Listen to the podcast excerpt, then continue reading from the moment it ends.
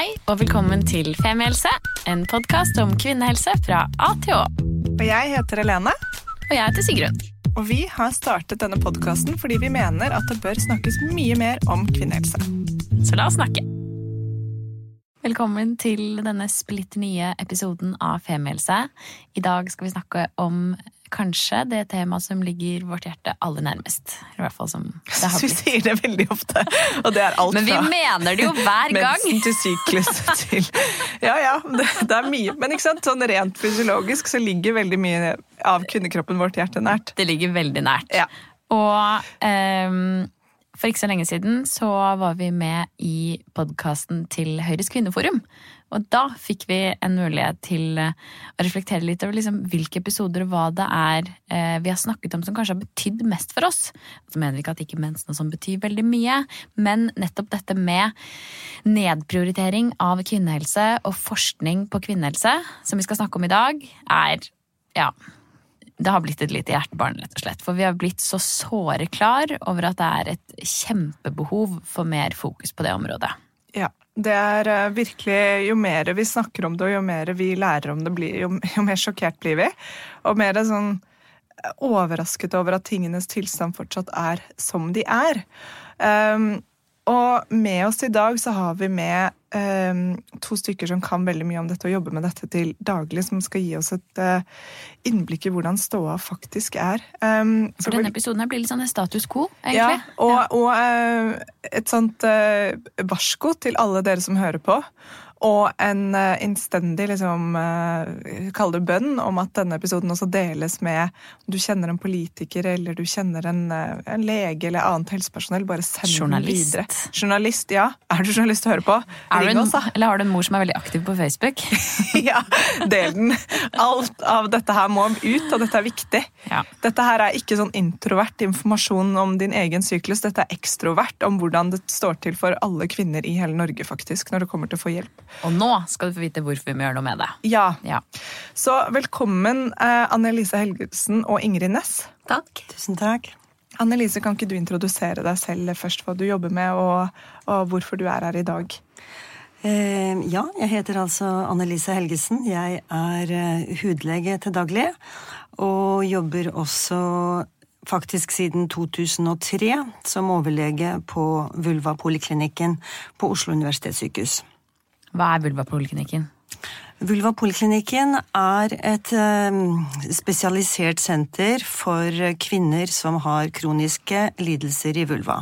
Og da snakker vi ikke om kjønnssykdommer, men vi snakker om kroniske sykdommer av en viss varighet. Og de fleste pasientene vi har hatt, eh, de har jo hatt plager i mange år. Og i tillegg til at jeg jobber der, så må jeg også nevne at jeg også da forsker på kvinnesykdommer.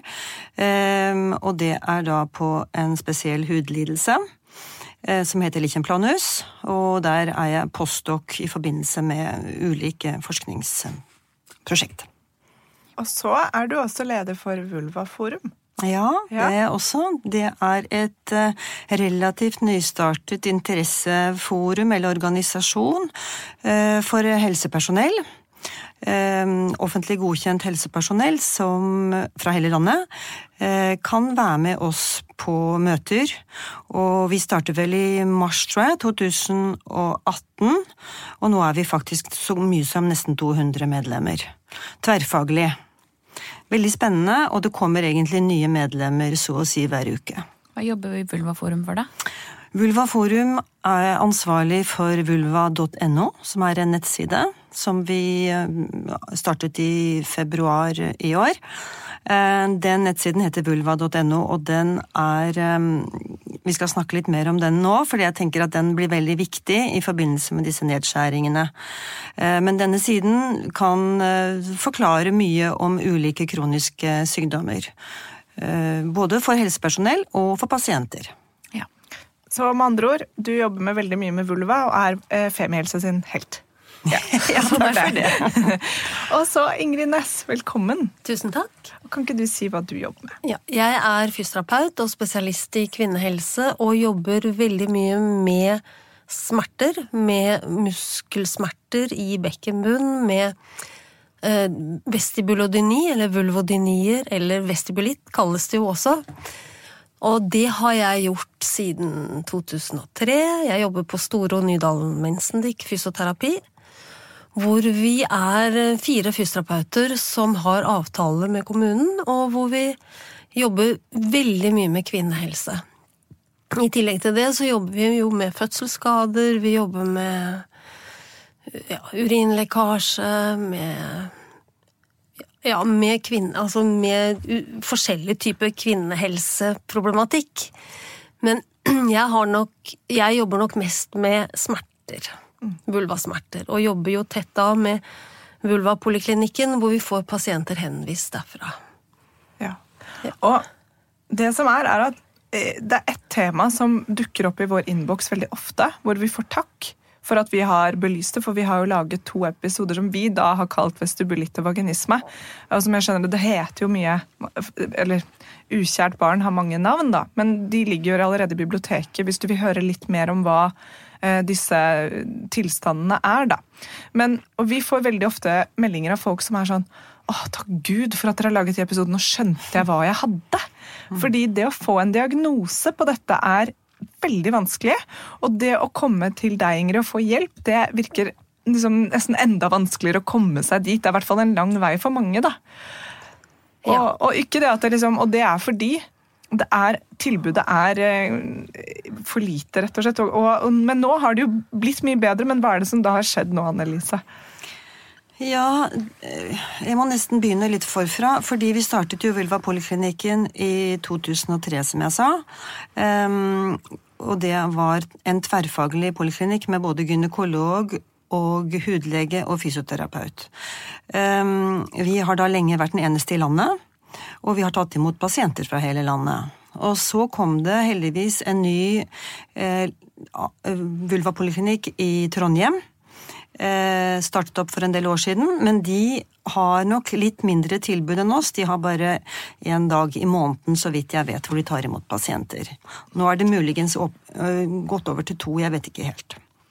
Men poenget er at vi har fått økende pågang på pasienter. Vi har hatt en stabil pasientmengde på ca. 400 cirka, i året. Og nå dette siste året ble vi plutselig 800. Og det skyldes nok muligens også fordi vi har startet vulva.no og kjørt mye publisitet rundt det. Og folk begynner å bli litt mer klar over hva de har, ikke sant.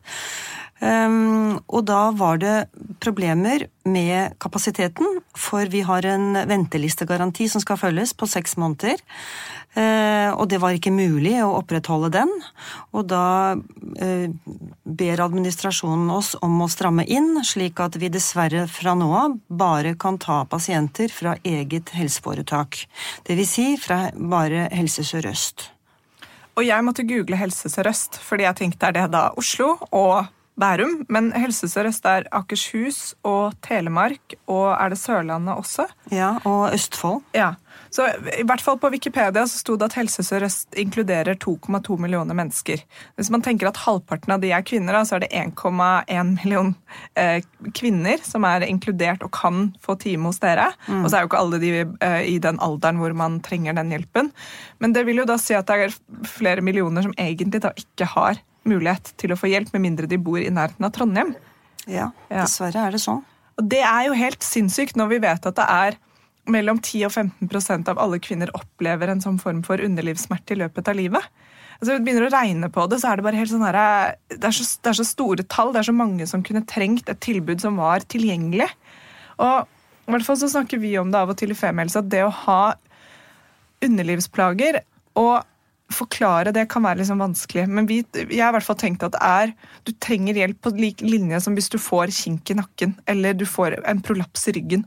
Og Det vet man hva er, og det vet man hvordan man kan få hjelp til å behandle. og Du trenger behandling. Det er ikke noe som bare går over med å liksom drikke litt te og gjøre litt yoga. Du trenger at noen setter en diagnose, og at noen kan hjelpe deg videre på den behandlingen. da. Så at den innskrenkingen skjer, er helt, det er helt hårreisende.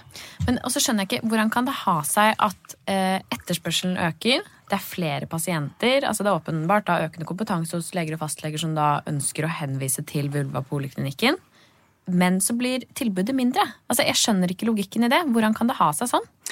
Eh, det har seg nok sånn at uh, Oslo universitetssykehus skal jo bare dekke sin region, har egentlig ikke noe landsfunksjon.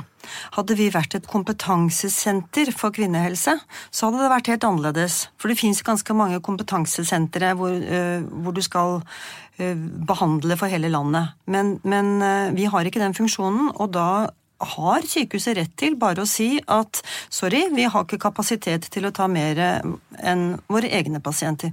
Og dette gjelder faktisk også en del andre pasientgrupper som bare får tilbud på akkurat det sykehuset eller den eh, helseregionen som de hører til.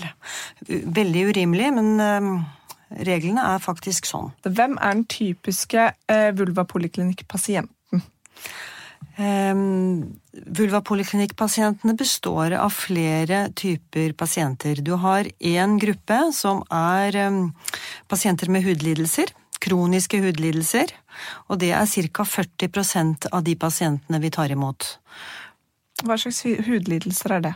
Eh, de vanligste hudlidelsene er lichensklerosus, lichenplanus, psoriasis og eksemer. Og alle er kroniske hudlidelser hvor pasientene eh, må forvente å ha tilstanden resten av livet.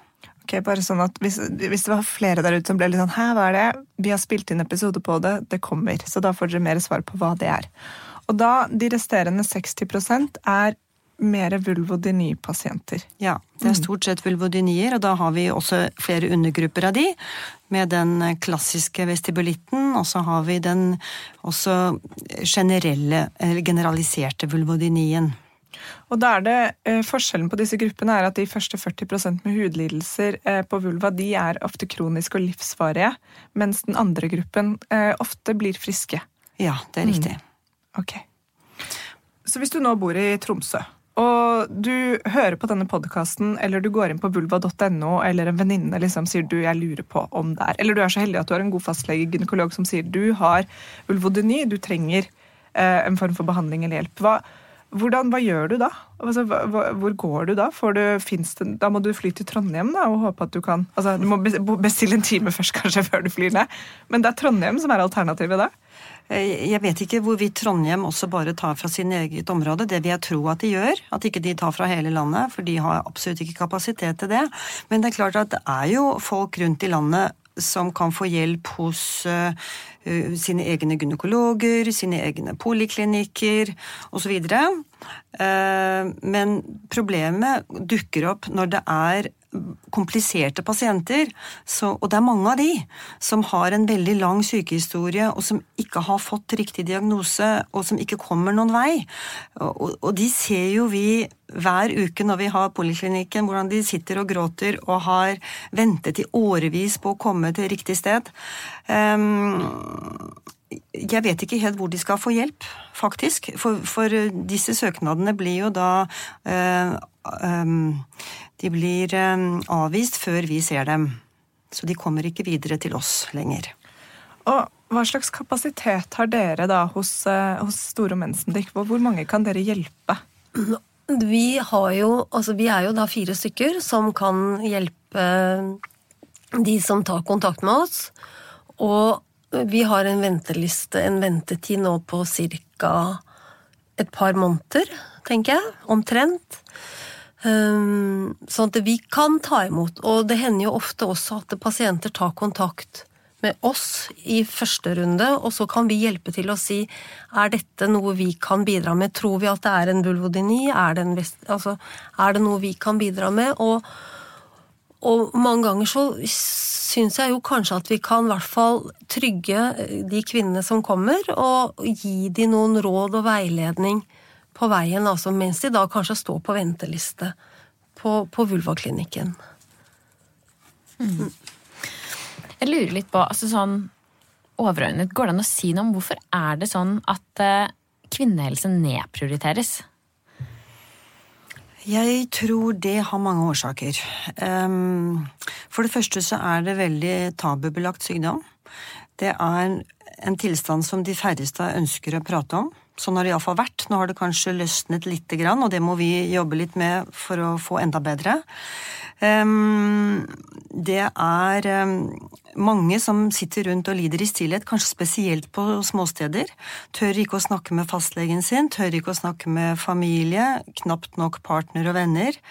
Og i tillegg til det så vil de ofte falle mellom to stoler sånn medisinsk sett, for dette her er tilstander som ligger mellom gynekologi og hud. Um, hudlegene har ikke veldig behov ofte for å se på huden i underlivet, og gynekologene de ønsker å gå hva skal jeg si, forbi huden, og så opp i skjeden, og se på det. Og Derfor er det ingen som føler veldig god kompetanse på det. Og da blir man utrygg, og så blir det ofte da ingen som tar ansvar. ikke sant? Um, I tillegg så er jo dette en litt sånn lavstatussykdom, uh, for å si det sånn. Det er ingen pasientorganisasjon her som kan skrike høyt og tale pasientenes sak. Um, og det er jo ikke noe farlig sykdom sånn, sånn sett, det er ikke noen som dør av dette. Så i tillegg så vil de på sykehuset dessverre ikke generere så veldig mye penger. Dette er tidkrevende pasienter. Du skal prate med dem, bruke mye energi, og så er det ingen operasjoner og ikke noe penger å få inn. Så sånn er det dessverre. Eh, i helsevesenet i dag. Jeg kan jo se for meg at det ikke bare gjelder underlivssmerter, men også i andre tilstander som vi har snakket om her tidligere, altså endometriose, eh, alt som handler med mm. egentlig liksom reproduktiv helse og det kvinnespesifikke ting. da. Det... Ja, ikke bare kvinnespesifikke, du har jo andre ting. Og jeg tenker på f.eks. psykiske lidelser er jo i den samme gaten, fibromyalgi. Men det som er felles for de andre, er at de har jo faktisk en pasientorganisasjon. Det har ikke disse kvinnene. Så de blir eh, de, de, de, kommer ikke frem. Det er bare vi som kan tale deres sak. Mm. Jeg tenker på, Hvis man skal se på tilbudet i Norge kontra tilbudet i andre skandinaviske land, så har de jo et helt annet tilbud i Sverige, hvor de har i hvert fall elleve vulvapoliklinikker, hvor det er tverrfaglig sammensatte team som jobber og hvor de har en god kompetanse nettopp på disse lidelsene. I Danmark har de ni vulvaklinikker, og i Norge så er det da Annelise, altså på vulvapoliklinikken, hvor de har en 20% stilling. En 40 En 40 stilling, og i Trondheim hvor de da har to dager i måneden hvor det er gynekolog og hudlege sammen. De har også da tilknytta seg to og en halv fysioterapeut som jobber med dette. Sånn at tilbudet er jo så skrint, altså. Det er nesten ingenting. Nei, Nå skulle dere sett ansiktet til Sigrun og meg. Det ser ut som bare Kødder du? Fuck, liksom, ja, men Det er jo helt psycho. For jeg trodde, jeg trodde at dette var altså, et fulltidstilbud. Ja, ja, ja. På lik linje som å gå til fastlegen. At der er det liksom et par mennesker i hvert fall, som sitter der dag inn og dag ut. Men jeg skjønner ikke, altså, hva kan vi gjøre, da? Hva er det man kan gjøre for å få et bedre tilbud? Både og da mener jeg også et bedre tilbud eh, i Oslo. Altså, men få, og et bedre landsdekkende tilbud, mer ressurser, bedre kompetanse. Kjempestort spørsmål, jeg beklager, men jeg lurer. Ja, det er jo vanskelig å, å, å si det med korte ord, men jeg ser for meg to løsninger, to alternativer. Det, altså det overordnede må være at vi har et offentlig, tverrfaglig tilbud til alle pasienter i hele Norge. Det er det aller viktigste. Og hvordan det skal løses, det har jo ikke jeg svaret på. Men jeg ser for meg enten så må det være en stor kompetansetjeneste sentralt et sted som tar vare på alle. Eh, som har tverrfaglig tilbud med gynekologer, hudleger, fysioterapeuter, sexologer. Og i tillegg har en mulighet for at pasientene kan ha samtalegrupper. Det tror jeg er kjempeviktig. De kan treffes, og de kan diskutere problemene sine og bli kjent med hverandre.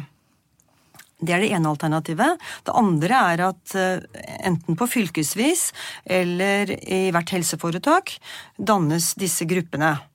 Med et minimum av hva man må ha for å fungere, da. Ehm, på den måten tror jeg man kan ivareta det, men det er klart det er en lang vei dit. Og for at dette skal skje, så må det overordnet et, et eh, hjelp til fra myndighetene. Det er jeg helt sikker på. For dette kommer ikke fra helseforetakene selv. Hva kan vi gjøre da, og lytterne våre gjøre? Kan vi gjøre noe? Jeg tenker at vi kan påvirke politikerne, absolutt. Vi kan informere og, og veilede fastleger og gynekologer så mye vi bare kan om, om lidelsene. Vi som fysioterapeuter, vi kan snakke med våre kollegaer om den jobben vi kan gjøre for, for kvinner med vulvodyni. For vi har mye å bidra med, og vi har ja, vi har mye å bidra med i forhold til den pasientgruppen. Mm. Og det vi kanskje burde begynne med, er jo å kartlegge problemet, slik som de har gjort i Sverige, hvor det foreligger en stor rapport som kom ut i fjor. Eh, hvor de så på tilbudet til eh, pasientene med vulvalidelser rundt omkring i landet. Um, og som du så, Ingrid, at der var det mer eller mindre halve landet som ja, har tilbud. Mm. Men hvis vi kunne gjort noe tilsvarende i Norge, og sett hvor, hvor, skoen trykker hen, egentlig, både sett fra helsepersonell og kanskje også fra pasientens side, så hadde vi kommet langt. Mm. Og den, eh, den, undersøkelsen den var da generert fra Sosialstyrelsen i, i Sverige, og det er vel det samme som Helsedirektoratet i Norge. Ikke sant. Tror jeg. Så her ja, handler jo litt om å begynne å se til nabolandene, kanskje, og se på hvilken Eller altså i hvert fall sammenlignbart hvor stort behovet er, og hva man eventuelt kan gjøre for å ha noen løsninger. Mm. Ja. Skal du si noe? Ja. ja, ja. Jeg måtte bare nevne også det. I Sverige har de for ikke veldig lenge siden um, hatt en kjempeslags kampanje som har gått i avisene og um, i media for øvrig, hvor pasientene faktisk har stått frem, flere pasienter på kort tid, og krevet at nå må helsemyndighetene ta affære. Og ut fra den informasjonen jeg har fått, så har det da medvirket til at helsemyndighetene har nedsatt et utvalg som skal se nærmere på dette, hvordan de kan løse tilbudet i Sverige for flere pasienter. Ja. Det, som vi, det som vi jo erfarer, er at jo tidligere kvinnene får hjelp, jo raskere blir de friske. Og det tenker jeg er kjempeviktig å, å, å formidle. Da kan vi i hvert fall ikke ha en, Tidlig innsats. en ventetid som er altfor lang. Og i tillegg så er det jo et kjempepluss tenker jeg, hvis man selv og ikke minst fastlege har kjennskap til disse lidelsene her, sånn at man ja, får hjelp i god tid. Ikke sant, for du må basically ha Eh, du må skjønne hva du altså Du må ha hørt om det et eller annet sted i din periferi. Altså, ok, jeg har kjempevondt, men uh, jeg går til legen fordi dette er noe jeg kan få hjelp med. Dette er ikke bare sånn at jeg skal være vant til å ha det vondt. Og så må legen eller gynekologen din vite hva det er, og så må du få henvisning til rett sted. Og deretter så, så må, må de kunne få, ta deg imot. Så må de kunne ta deg imot ganske fort. Og så må det også finnes en behandling som da kan hjelpe, og som er eh, effektiv, og, men også tilpasset. fordi det, Vi snakket litt om det på bakrommet her i sted, at den er jo også så øh, ganske unik fra kvinne til kvinne hva du trenger, eh, og hvilken tilnærming som funker for deg. Da. Det, så det trengs liksom en, ja, den tverrfaglige kompetansen på det. Det er helt klart. Altså det sier alle forskningsrapporter. At det er snakk om å ha et tverrfaglig samarbeid rundt alle pasienter med vulvodynier. Det er på en måte udiskutabelt, rett og slett. Mm. Mm. Det bruker vi mye tid på. Når, vi, ja. når de kommer til oss ø, første gangen på vulvapoliklinikken, så har vi faktisk tre kvarter. Det er ganske lang tid hvor vi går igjennom hver pasient og tilrettelegger en spesiell terapi akkurat for den pasienten ut fra deres forutsetninger. Ehm, det er beste måten å, komme til en løsning på, tror jeg. Mm. Mm. Og hvis vi skal få til alt dette her, eller bare noe av dette her, så kan vi ikke være stille. Ingen av oss. Verken som privatpersoner eller som fagpersoner. Og vi er så heldige i dag å ha besøk av en som virkelig ikke har valgt å være stille, og som har lyst til å dele sin historie med oss. Mm. Skal vi ønske Elise velkommen inn i studio? Ja, la oss gjøre det. Da er vi så heldige å ha fått Elise Daaland inn i studio. Da hun eh, byttet plass med Ingrid. Mm. Og for noen uker siden, egentlig parallelt med at eh, Vulvaforum og Vulvapoliklinikken tok kontakt med oss, så fikk vi en melding fra Elise. Um, og hun ville egentlig akkurat det samme som de damene vi nettopp har snakket med. Hun um, ville, eller egentlig litt sånn Jeg vet ikke hva man skal kalle det, men hadde i hvert fall et veldig ønske om at vi skulle sette mer, sette litt søkelys på den tematikken her. Og vi er så heldige at du har sagt at du har lyst til å dele historien din med oss. Og det er helt fantastisk. Bare kjør på når du er klar. Pasienthistorie nå, Lise. jeg. Eh, nei, jeg kan si eh, jeg er 24 år, bor i Oslo. Er masterstudent på Universitetet i Oslo. Eh, og i fjor høst så fikk jeg voldsomme smerter i underlivet. Og da hadde jeg hatt litt vondt i ca. to år. Vært hos en haug med leger og spesialister. Gynekologer, vanlige fastleger, hudleger. Ingen som skjønte hva det var. Eh, fikk masse kremer. Ingenting som hjalp. Eh, alt bare gjorde det mye verre. Hva slags type smerter hadde du da? hvis jeg kan spørre? Var, jeg følte meg litt sånn sår sånn ubehagelig. Noen ganger var det litt vondt å sitte. Det var liksom bare, det, det føltes ikke bra i det hele tatt. Og jeg skjønte ikke, skjønte ikke hva det var. Ingen andre som forsto det heller. Eh, så det gikk ca. to år uten at jeg skjønte helt hva, hva det kom av. Og så i september i fjor så ble det brått eh, veldig mye verre. Em, og da var det nesten sånn akutt på ei ukes tid. Så gikk det over til å være smerter som føltes som om noen hadde satt fyr på absolutt hele underlivet mitt. Eh, helt fra fram mot magen og bak til rumpa. Um, og det var bare Det var et smertehelvete av en annen verden. Med alle nyanser av smerte du kan tenke deg. liksom eh, Stikkende, verkende, bankende, prikkende smerter. Men aller verst og aller mest intenst var en sånn brennende smerte. Som det føltes som om noen hadde satt fyr på hele underlivet. Um, og det var både den konstante smerten liksom døgnet rundt, som jeg beskriver nå. I tillegg så hadde jeg jo eh, tidvis kramper av smerte, der jeg, jeg, typ, jeg bare lå på gulvet i leiligheten min og skreik eh, og vrei meg og tenkte at nå, nå er jeg mellom liv og død der. Eh, så det var bare helt, helt uutholdelig. Så for meg så var disse smertene eh, helt akutte. Um, og jeg gikk til flere leger, bestilte masse timer hos private hudlige gynekologer. Fortsatt ingen som skjønte hva det kom av. Um, kom ingen vei. På et tidspunkt så var jeg på eh, legevakten. Eh, Trygla de om å legge meg inn på gynekologisk. Jeg sa jeg klarer ikke jeg klarer ikke ligge hjemme og ha vondt. Men de visste jo ikke hva det var, så de sendte meg bare hjem med ja, mer smertestillende kremer og tabletter og sa ja, du får bare vente. Um, og de kunne henvise meg til vulvaklinikken, men det var jo et halvt års ventetid. Eh, og jeg sa jeg, jeg kan ikke vente et halvt år, jeg holder ikke dette ut. Eh, så det ble jo til at jeg eh, ringte eh, flere ganger til vulvaklinikken. Tok litt tid å komme gjennom, jeg klarte det til slutt. Og fikk argumentert meg fram til å få timen framskyndt til eh, november. Og det her var i september når det var verst. Så etter to måneder med smertehelvete så kom jeg inn på uh, vulvaklinikken til slutt. Um, og fikk diagnosen. Og da hadde jeg faktisk hørt på podkasten deres ei uke før, så da visste jeg hva det var. Så det var fint å ha noe kunnskap om det når jeg kom inn der og fikk eh, Så egentlig vite det. så kunne du bare hørt på oss, og så hadde alt bare løst seg. Ja, ja. Antagelig hadde alt bare løst seg.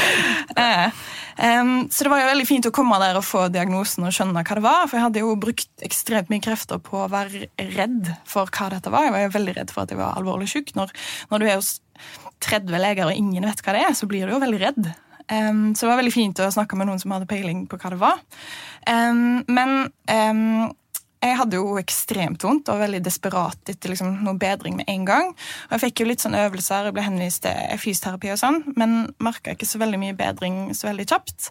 Eh, så løsningen for meg var at eh, jeg fikk høre i podkasten deres eh, om at det var mulig å gå til Oslo kvinnehelsesenter og få osteopatbehandling. Um, så eh, jeg gikk der, og har gått der eh, lenge hos Helene Østland, som er osteopat og har veldig peiling på den diagnosen, og fikk eh, behandling der. Og det gjorde jeg fra vel januar i år til nå over sommeren. Og det har heldigvis hatt veldig god effekt på meg, og nå er jeg frisk. Men det, det, var jo en lang vei. Eh, og så er jo eh, det er jo en privat klinikk, så jeg har jo brukt henne eh, veldig mye penger på å gå dit, og på å gå hos mange private gynekologer og hudleger. Jeg har sikkert brukt over 20 000 på det. Um, ja, for jeg, jeg, måtte jo, jeg var jo helt desperat. Jeg hadde akutte smerter. og da, Så jeg har jo trygla foreldrene mine om penger til å gå til legen. Jeg er på studielån, uh, så jeg er bare heldig at det gikk. Um, ja. Så det, det, var, det var skikkelig tøft, altså. Um, og jeg har Jeg syns det er veldig sterkt når dere forteller om, snakker om det nå, hvor dårlig behandlingstilbudet er. For jeg har jo tenkt veldig mye på i ettertid um, Hvordan skulle det ha gått med meg hvis jeg ikke hadde fått høre om det behandlingstilbudet som fins? Eller hvis jeg ikke hadde bodd i Oslo? Eller hvis jeg ikke hadde hatt foreldre som kunne hjelpe meg med å betale for alle disse timene. Det er veldig liten margin for at, for at jeg fikk hjelp, på en måte, og det er derfor jeg har tatt kontakt og sier at dette vil jeg snakke om, fordi sånn her kan det ikke være. Jeg vil ikke at noen andre skal ende opp i samme situasjon som meg. Og særlig den litt sånn triste at det, det, er ingen som vil ta imot deg, for det er ingen som har peiling, og da blir det bare sånn kasteball i systemet, og ingen som kan hjelpe deg selv om du har så vondt. Mm. Altså jeg kjenner jo bare, Når du sitter og forteller historien din, så får jeg eh, altså jeg får vondt i tissen av å høre på deg. Jeg kjenner at jeg sitter og strammer meg og får liksom nesten litt mensenkrampe, for det høres så forferdelig ut å ha det sånn. Og jeg bare All sympati til deg for det du har gått igjennom, og jeg er så glad for at du fant den løsningen som passet for deg. Og det er jo som du selv sier, at den marginen er så små, og det er ikke alle som har som, verken, som, er så ressurssterk som deg, eller som finner ut av det, og som også kan få hjelp da, og liksom tar saken i egne hender. Mm. Um, det, men, så, men Annelise, hvis er, så hun, eh, Elisa har brukt da, kanskje 20 000 kroner på å få dette liksom på plass hos privat klinikk som heller ikke er offentlig godkjent, da, for nå har vi jo legestudio som sier det på den måten. Osteopater er jo ikke det. Um, er, hvordan hva, hva, er tilbudet der ute? Eller hva, hvordan burde det vært? Eh, jo, vi vet jo at det er for få fysioterapeuter som har um, avtale, og som kan gjøre dette til en rimelig billig penge. Altså via henvisning? Vi, nei, de trenger ikke henvisning. Pasienten kan gå direkte til fysioterapeuter nå hvis de ønsker det. Um, så det er jo en fremgang. Men det er altså for få fysioterapeuter med den kompetansen. Um, nå skal det være sagt, jeg må nevne det, at på vulva.no så har vi laget en liste over ulike aktører som kan hjelpe pasientene. Der kan alle gå inn og se på behandlere. Og det legger seg faktisk inn nye behandlere nesten ukentlig som ønsker å stå på denne listen. Så her kan du gå inn, f.eks.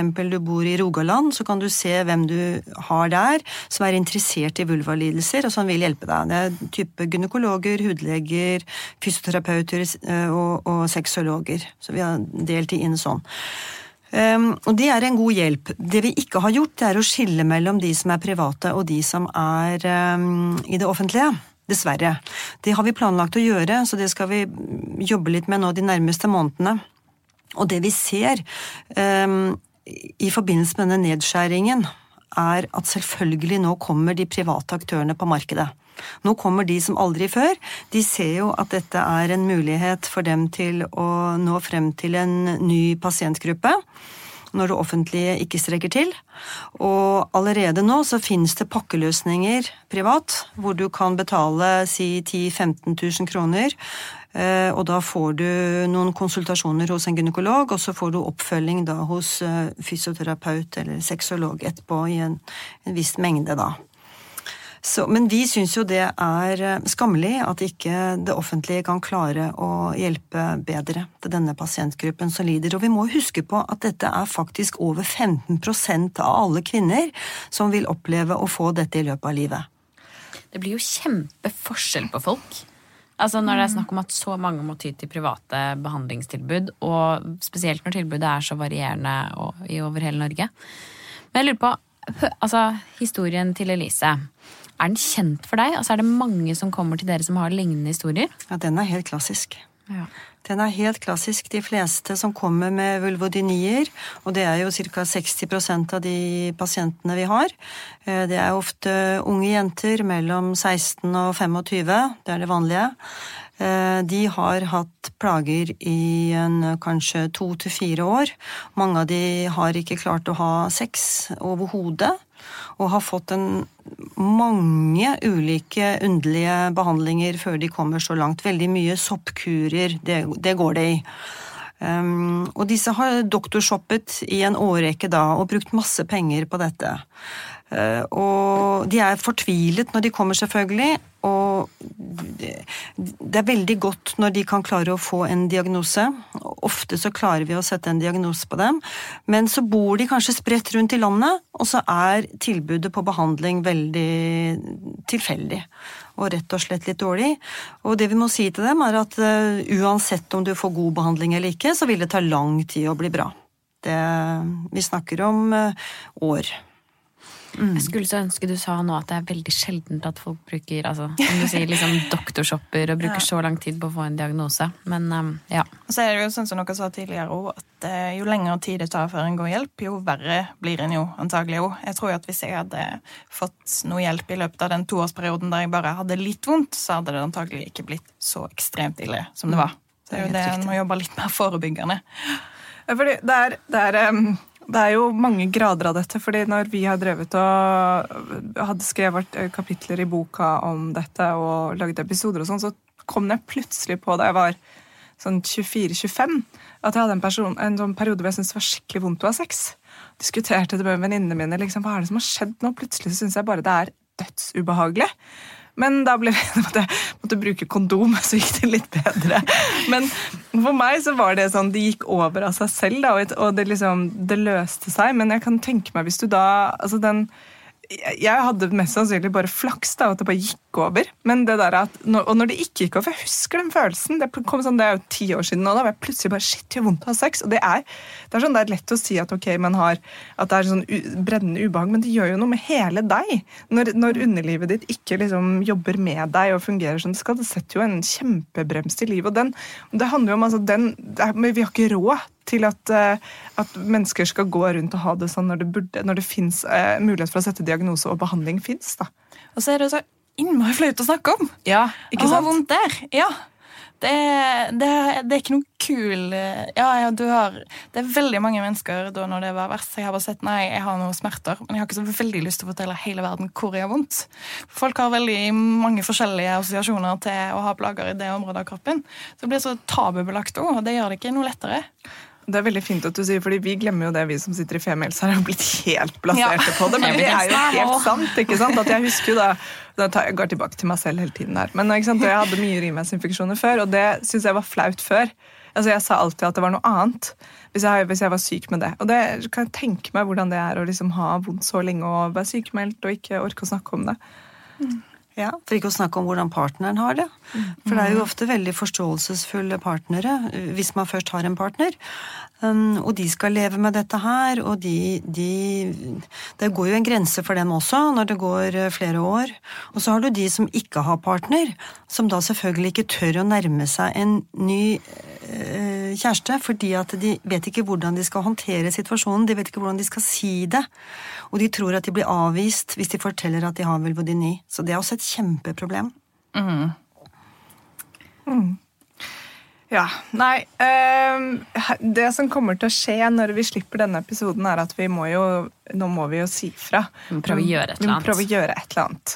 Mm. Og øh, som Annelise også og Ingrid nevnte i sted, dette med å se til Sverige. Og der fikk de til veldig mye med at veldig mange sa fra og krevde at nå trenger vi eh, kartlegging, og vi trenger et bedre tilbud basert på den kartleggingen. Så eh, alle femihelsere som hører på denne episoden, når den slippes, så skjer det noe. Så dere må følge med på Facebooken vår og Instagram. Vi vet ikke helt hva som kommer til å skje ennå. Vi legger en plan nå. Vi, vi skal bruke våre stemmer, i hvert fall. Ja. Både i våre kanaler og forhåpentligvis i andre kanaler også. Og så håper vi at dere vil være med på det. Mm. Så, så ja. let's make change, er det ikke det de pleier å si i USA? Jo. Ja, Vi gjør det like stort her. eh, og vi gleder oss til å gjøre det samme med dere og dere i både Vulvaforum og på Vulvapoliklinikken og med deg, Lise. Og så, ja, og så får vi til noe. Ja. Så bra. Mm, takk for at du hørte på. Til dere som hørte på, Tusen takk til dere som var her i dag. Det var skikkelig fint og viktig. Håper alle blir sinte og engasjerte. Ja. Det var målet med denne episoden. Ja. Snakkes. Snakkes tusen takk for at du hørte på podkasten vår. Selv om det forhåpentligvis kommer tydelig frem, så vil vi understreke at vi ikke er helsepersonell. Ja, så Som vanlig, kontakt legen din om du har noen spørsmål, eller om du skal begynne på noen form for behandling. Og Har du et tema som du har lyst til at vi skal snakke om, eller noe ris eller ros, så send oss gjerne en melding på Facebook eller på Instagram. Der finner du oss under Femihelse. Mm. Og du kan gjerne rate oss på iTunes. Det er skikkelig hyggelig for oss. Ha en fin dag. Ha en kjempefin dag.